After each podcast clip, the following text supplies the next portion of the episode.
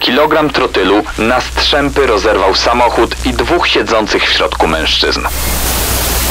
43 dni tortur i poniżania. Bili go, przypalali papierosami, polewali wrzątkiem, nagiego filmowali. Sceny zbrodni w RMFFM. No to na początku, tak jak zawsze, na takich filmach sensacyjnych widziałem, synchronizujmy zegarki, jak tam u ciebie? No u mnie już czas, U mnie już też. tak? Mhm. Czyli czas zacząć kolejny podcast Scen Zbrodni i wakacyjny cykl opowieści mafijne. I w tym odcinku po raz kolejny rozkładamy przed wami mapę. No właściwie pół mapy nas interesuje, ta wschodnia połowa. Tak więc, drodzy słuchacze, pakujcie plecaki i wsiadajcie na nasz pokład, a za sterami Kamil Barnowski. I Daniel Dyk zapraszamy w podróż po miastach, w których w latach 90. mafia rozdawała karty. Daniel Dyk i Kamil Barnowski prezentują Sceny zbrodni w RMFFM.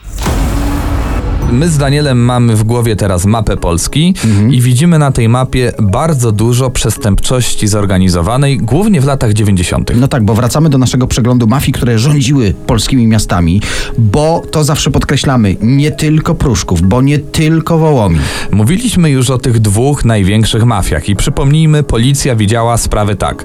Co na zachód od Wisły było pod kontrolą Pruszkowa, co na wschód to pod opieką Wołomina. Prawda była trochę inna, zresztą przekonacie się o tym słuchając naszego programu, ale właśnie idąc tym tropem, no dzisiaj zajmiemy się wołomińskimi mafiami, tak z założenia, czyli tymi, które działały w miastach wschodniej Polski. Choć zaczniemy od miasta leżącego po obu stronach Wisły, za chwilę Warszawa, a zważywszy, że będziemy mówili o grupie mokotowskiej, no to znajdziemy się po niewłaściwej, czyli po zachodniej stronie Wisły. Ale chwila, chwila, powiemy też o mafii żoliborskiej, a to przecież też po zachodniej stronie Wisły. Coś tu źle wykombinowaliśmy. Troszeczkę. Może mapa leżała do góry nogami, jak to Mam nadzieję, że słuchacze wybaczą nam te drobne e, odstępstwo, od którego zaczynamy. Ale będziemy też w Białymstoku, Lublinie, Olsztynie, a to już na pewno ta właściwa wschodnia strona, która dzisiaj będzie omawiana w scenach zbrodni, także zapraszamy, koniecznie zostańcie z nami.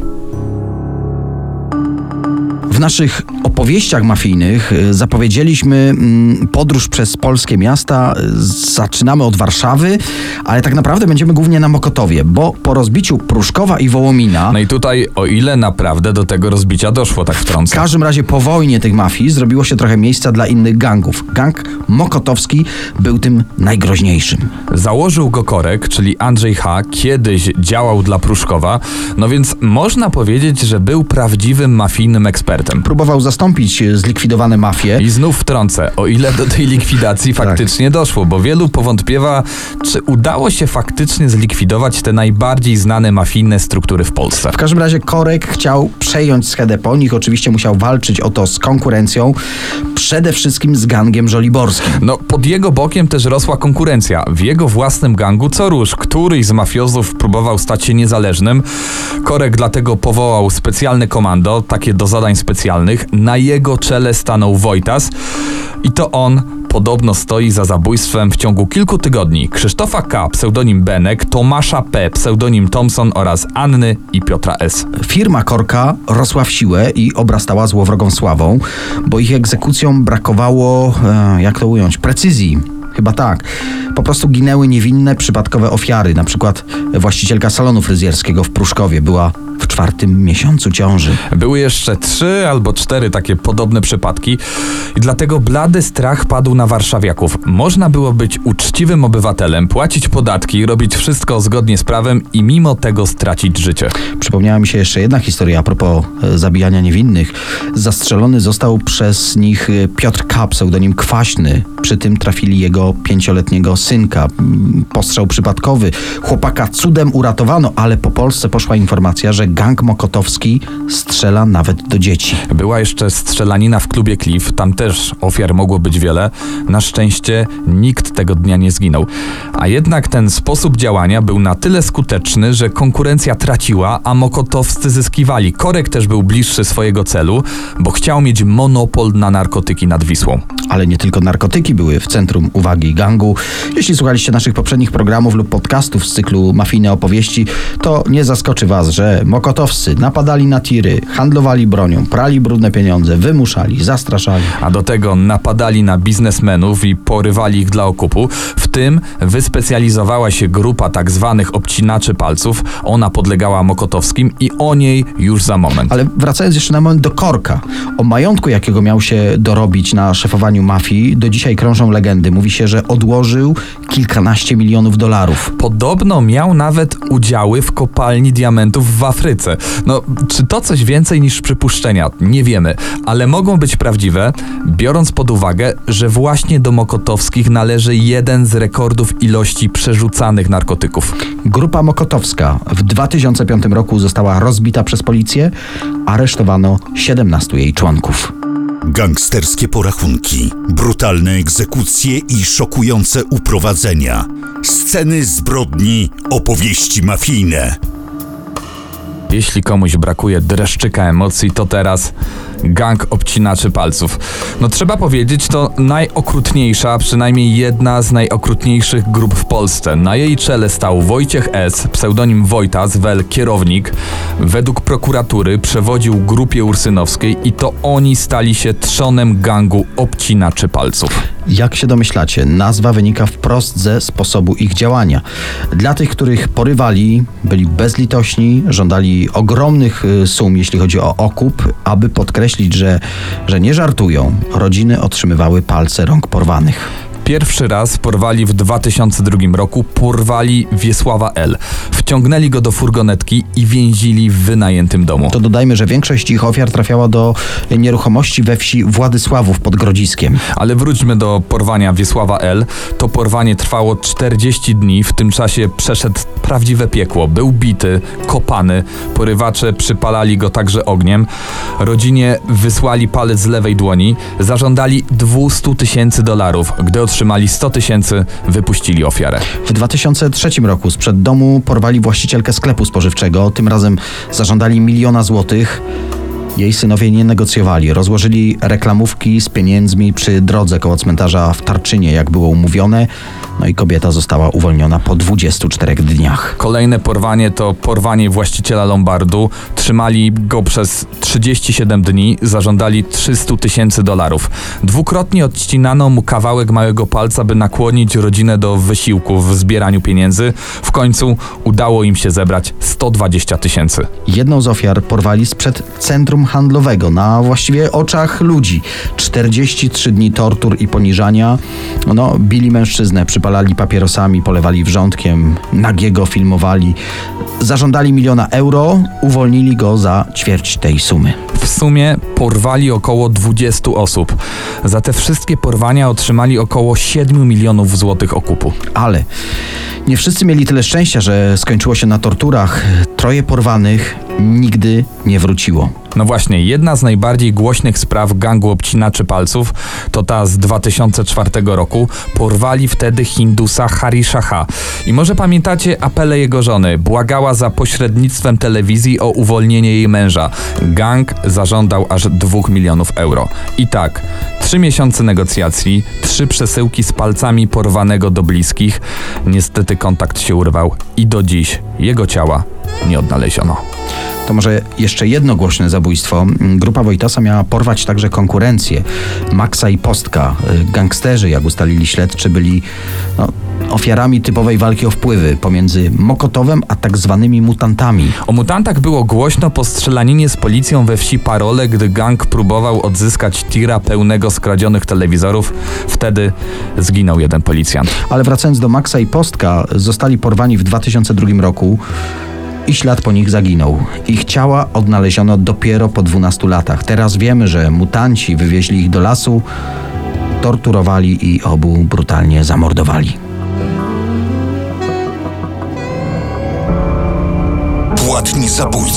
Seryjni mordercy i sceny zbrodni w RMFFM. W naszych mafijnych opowieściach czas na Lublin, a tu się działy rzeczy. E, Tutejsze grupy przestępcze podlegały Pruszkowowi, a gdy ten został rozbity... No i znowu wtrącę, wiadomo co mówią o tak, rozbiciu. tak, tak. W każdym razie po roku 2000 podlegali Mokotowowi. Właśnie, Warszawa dostarczała do Lublina narkotyki, które lokalni gangsterzy rozprowadzali. A oprócz tego, jak wszędzie, wymuszali haracze, kradli samochody, do tego agencje towarzyskie, wyłudzanie kredytów i tak dalej, i tak dalej, no standard. Ostatnio trafiłem w lubelskiej prasie na porównanie Lublina lat 90. do Chicago. Mhm. To pewnie dlatego, że tutejsza mafia nie wahała się przed strzelaninami czy podkładaniem bomb. No to może przykład. Lutowy wieczór, 95 rok, eksplozja na ulicy 1 maja. Tak potężna, że z okolicznych budynków wyleciały szyby. Kilogram trotylu na strzępy rozerwał samochód i dwóch siedzących w środku mężczyzn. Kurier lubelski pisał wtedy: mm, Policjanci błyskawicznie zablokowali całą ulicę. Na środku leżał młody mężczyzna z urwaną prawą nogą i ręką. Drugi z mężczyzn został tak bardzo rozszarpany, że strażacy do późna w nocy myli okoliczne chodniki i jezdnie. Dodam jeszcze, że fragmenty ich ciał trzeba było zdejmować z okolicznych drzew. No naprawdę niewyobrażalnie makabryczna historia. To nie były mafijne porachunki, to dopiero miały być porachunki. Jak przypuszczają pirotechnicy, do wybuchu doszło przypadkiem. Właśnie, bo panowie planowali użyć bomby na konkurencyjnych gangach. Kierowca być może prezentował ładunek koledze, może po prostu nieostrożnie się z nim obchodził, no i w taki sposób właśnie doszło do eksplozji. Świadkowie mówią, że dosłownie sekundy wcześniej koło auta przejechał autobus pełen niewinnych ludzi. Było o włos od jeszcze większej tragedii. Ale skoro mówimy o konkurencji, w Lublinie rządziły przede wszystkim gang staromiejski i tak zwany LSM-jacy. No, może nie walczyli z takim rozmachem jak w Warszawie Pruszków z Wołominem, ale w Lublinie też były strzelaniny, podkładanie bomb i zabójstwa na zlecenie. Ci ze Starego Miasta to dobrzy koledzy. Już od dziecka przesiadywali na tych samych murkach, gonili się po tych samych podwórkach, a później okradali ludzi wspólnie w tych samych ciemnych zaułkach. To rodzi zaufanie, poczucie więzi. No, zaczęli od wymuszeń haraczy za ochronę. I tym gangiem, gangiem staromiejskim, początkowo dowodził Robert K., bardziej znany jako Ciolo. Był to jeden z najgroźniejszych polskich przestępców. Przypomnijmy, zabił co najmniej kilka osób. Tak, mówiliśmy o jego złej sławie w jednym z wcześniejszych scen zbrodni. Polecamy podcast. Natomiast ci z LSM też trzymali się razem od młodych lat. LSM to skrót od osiedla Lubelskiej Spółdzielni Mieszkaniowej. Chłopaki z bloków, którzy poznali się na ławeczkach i Na ich czele stanął Andrzej P., pseudonim Pierzo. Gdy Pierzo miał 18 lat, zastrzelił kilka lat starszego od siebie chłopaka, który porysował mu samochód. Po wyjściu z więzienia no, zwołał kolegów, założył gang, który początkowo głównie kradł samochody. Ale z czasem obie grupy zaczęły sobie wchodzić w drogę. Zajęły się handlem marihuaną i amfetaminą. To oczywiście rodzi konflikty. Lublin nie jest aż tak dużym miastem. Możecie sobie wyobrazić, do czego to prowadzi. A jeśli do tego doda się jeszcze Czeczenów, którzy też stworzyli w Lublinie swój gang, no to trzeba było bardzo mocno walczyć o swoje miejsce. Co ciekawe, z usług Czeczenów korzystali na przemian i ci ze Starego Miasta, i ci z LSM. Wynajmowali ich oczywiście do tej najbrudniejszej roboty. Pierzo miał zlecić zabójstwo Krzysztofa B., pseudonim Krzywy. Killer miał zlikwidować pacjenta. Tak się zwykle mówi w filmach, nie? Gangsterskich. Zlikwidować pacjenta, ale tym razem dosłownie. Tak, bo krzywy akurat leżał w szpitalu po bardzo mocnym pobiciu. Zabójca wszedł do szpitala, odnalazł salę, wycelował pistolet w kierunku łóżka, ale nie strzelił. Chory nie przypominał tego, na którego dostał zlecenie. I co się okazało? Krzywy czuł, że może się coś na niego szykować i dlatego zamienił się z innym pacjentem na łóżka. Specjalnie by zlikwidować lubelskie gangi, utworzono w województwie grupę policyjną Wolf. Zatrzymano zarówno Ciola, jak i Pierza. Zatrzymano też większość gangsterów. A ich następcy z narkotyków przerzucili się raczej na przemyt papierosów za wschodniej granicy. No, ryzyko dużo mniejsze, ewentualna odsiadka krótsza, a zyski podobno porównywalne. Sceny zbrodni, opowieści mafijne. Czas na Białystok nazywany poligonem dla Wołomina. Tak, jeśli wierzycie relacjom policyjnym, właśnie tutaj szlify zdobywali młodzi gangsterzy wołomińscy. Zajmowali się kontrabandą, głównie przemytem papierosów przez granicę, ale zdarzały się napady na właściciela kantoru, na placówki pocztowe. Do tego brutalne tortury, zastraszanie, wymuszenia. Ale najczęściej przestępcy białostoccy mieli w kartotekach rozboje. Wśród gangsterów powinniśmy wymienić Sławomira Z, pseudonim Mycha. Dowodził gangiem, który w drugiej połowie lat 90. zajmował się wymuszeniami na restauratorach. Kto nie chciał płacić, trafiał do lasu, tam był bity, yy, przykładano mu też pistolet do skroni, grożono śmiercią. Z Białego Stoku pochodził też pierwszy polski świadek koronny, Żaba. W rzeczywistości był jednym z pierwszych, ale tak się o nim w Białym Stoku mówi. Żaba, czyli Dariusz J., żeby być precyzyjnym, w listopadzie 98 przyznano mu status świadka koronnego, gdyby ktoś chciał porównywać pierwszeństwa, szukać, kto był przed nim. I on w przeszłości był ochroniarzem w białostockich dyskotekach i tak standardowo w kartotece. Jakieś bójki, jakaś kradzież samochodu. Żaba przyczynił się do aresztowania około 40 osób. Y, Większość oczywiście z grup podlaskich, ale wśród nich był słynny boss Wołomina, dziad. Świadek koronny zeznał, że dziad, czyli Henryk N., w akcie zemsty za zabójstwo jego brata Wiesława zlecił zabójstwo bossa Pruszkowa Wańki. No i właśnie, w Białym Stoku odbył się głośny proces. Henryk N. obrażał sędziego, wyzywał prokuratorów, pluł w stronę kamer, a nawet rzucał czym mógł w dziennikarzy. To tam też jednak przyznał się do zabijania. Zacytujmy: Tak, mordowałem, ale tylko gołębie. Ukręcałem im łby, kiedy były chore. Dziad również y, część wyroku odsiedział w Białymstoku. Natomiast Żaba zeznał też o innej słynnej dziś postaci. Któregoś dnia próbował wymusić haracz w jednym ze sklepów, ale właściciel wcześniej dogadał się ze wspomnianym już mychą, więc gdy Żaba zjawił się po odbiór haraczu, zamiast pieniędzy, drobna niespodzianka, czekało na niego kilku potężnie zbudowanych facetów i wśród nich miał być popularny dzisiaj aktor filmów gangsterskich i seriali telewizyjnych. Skoro jesteśmy na Podlasiu, no żal by nie było zajrzeć do Łomży.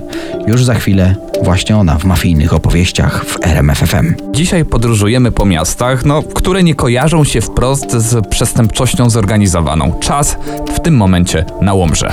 No właśnie, jak myślimy o gangsterach z Łomży, to musimy powiedzieć o generale. Ten pseudonim nosił Sławomir W.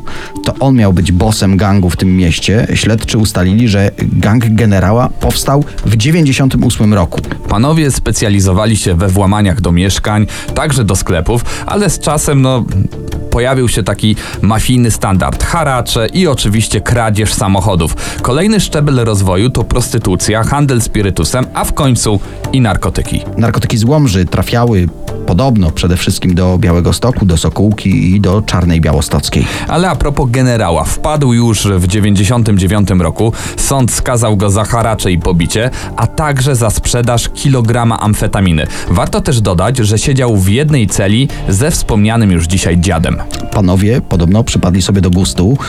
Ulubione wspólne zajęcie, wierzcie lub nie, czytanie pism detektywistycznych. Wspólnie też pisali skargi na Ale generał wyszedł na wolność, no nie na długo, bo trafił do aresztu ponownie w 2007 roku i jednym z zarzutów, jakie mu przedstawiono, poza kierowaniem grupą przestępczą, to zlecenie zabójstwa konkurencji, a konkretnie Roberta S. Choć podobno to najpierw Robert S. zlecił generała, miał go zabić niejaki Maniek, ale Maniek zamiast y, tego wygadał się generałowi, no i dostał odwrotne zlecenie. Tego też nie wykonał, za to doniósł na obu bosów do prokuratury. Jednak sąd te oskarżenia oddalił i generałowi po ogłoszeniu wyroku nie pozostało do powiedzenia nic, tylko teraz zacytujemy: Dziękuję serdecznie. Płatni zabójcy, seryjni mordercy i sceny zbrodni w RMFFM. Dzisiaj podróżujemy po wschodniej połowie Polski tropem właśnie mafii. Może ktoś teraz powie, Olsztyn mi się nie kojarzył z mafią, a jednak tym razem jesteśmy w stolicy Warmii. Mafia na serio w tym mieście zaczęła się w drugiej połowie lat 90. Kradzieże, haracze, porwania dla okupu, no i oczywiście, jak zawsze na końcu tej układanki, narkotyki. Lokalnym gangsterom marzyło się, by mieć wyłączność na narkobiznes w całej północnej Polsce. Najgłośniej było o gangu gangu braci Orzełków oraz o gangu Truskawy. Ale także, przypomnijmy, Warszawa chciała mieć tutaj wpływy. Tak, nawet umówiono spotkanie, które miało ustalić obszar działalności, ale po nim zamiast lepiej zrobiło się tylko gorzej. Żadna grupa nie chciała oddać niczego konkurencji. Zaczęły się strzelaniny, zaczęły się zamachy bombowe. Tak, pierwszy w historii zamach bombowy w Olsztynie miał miejsce w 2000 roku. Wybuchł wtedy jadący golf, a w środku był Jarosław P., pseudonim Lenin i jeden z gangsterów Truskawy. Ładunek, kilogramowa bomba pod autem, była połączona z granatem. Zdetonowano ją telefonem komórkowym. I tutaj musimy dodać, jak wynika z zeznań, dwaj zabójcy traktowali jadący samochód jak grę komputerową. Czekali tylko na odpowiedni moment, by go spektakularnie wysadzić. Ta egzekucja była początkiem wojny. Ludzie Grzegorza M. Marchewy w odwecie podłożyli bombę pod jednego z zabójców Lenina. Mariusz H. jednak miał szczęście, bomba pod jego domem nie eksplodowała. Natomiast killer wynajęty do zlikwidowania Jarosława R., jednego z braci Orzełków, spudłował. Gang Orzełków tym razem miał trochę szczęścia. No, trochę, bo jednak nie dla wszystkich go wystarczyło. Przypominam, że wcześniej zastrzelony został jeden z braci Orzełków, Andrzej. Ale Marchewa też nie może narzekać na pecha. Strzelano do niego, on wyszedł cało. Bomba pod jego domem nie wybuchła. W końcu został trafiony przez Andrzeja Z, pseudonim Gajowy, ale z raną brzucha wyzdrowiał w szpitalu. Wtedy panował w Olsztynie no, prawdziwy chaos. Każdy strzelał do każdego. Gangsterzy nie ruszali się z domu podobno bez kamizelek kuloodpornych. I nie wiadomo, jakby się to potoczyło dalej, gdyby wszystkiego nie zakończyła policja. Początkowo nie reagowała zbyt szybko na zamachy, wtedy doszło do serii porwań olsztyńskich biznesmenów, więc całe siły były skierowane właśnie na tę sprawę. Ale w końcu pomogli sami gangsterzy. A konkretnie Grzegorz A. pseudonim Chemik dostał zlecenie na zabicie dwóch gangsterów Marchewy. Zamiast tego zgłosił się na policję i y, został świadkiem koronnym. Ja znów słyszałem, że to Wojciech B., pseudonim Bystry, został w tej sprawie świadkiem koronnym. Czyli dwóch świadków, więc jak się domyślacie, szybko wypełniono areszt gangsterami obu wojujących stron. Seria procesów w Olsztynie y, trwała dwa, trzy, może cztery lata. Y, Około półsetki gangsterów trafiło za kratki z długimi wyrokami. No to jeszcze raz synchronizujmy zegarki, jak tam u ciebie, bo u mnie, że już po. A, tak, u mnie też już No po. i widzisz. A u was już po podcaście? Posłuchaliście? Mam nadzieję, że to nie był stracony czas. Zdecydowanie nie. No sami możecie nam napisać, czy chcecie, żebyśmy znów wyruszyli w podróż, na przykład po miastach Europy, które są związane z przestępczością zorganizowaną. A może w Polsce powinniśmy odkryć przed wami jeszcze kilka ciekawych miast. Już może nie dzielmy kraju na lewą czy prawą stronę Wisły, ale rzeczywiście jest jeszcze wiele ośrodków, w których mafia w latach 90. fantastycznie, za dobrze sobie radziła. A za dzisiaj serdecznie Wam dziękujemy. Kamil Barnowski. I Daniel Dyk, do usłyszenia. Sceny zbrodni w RMFFM.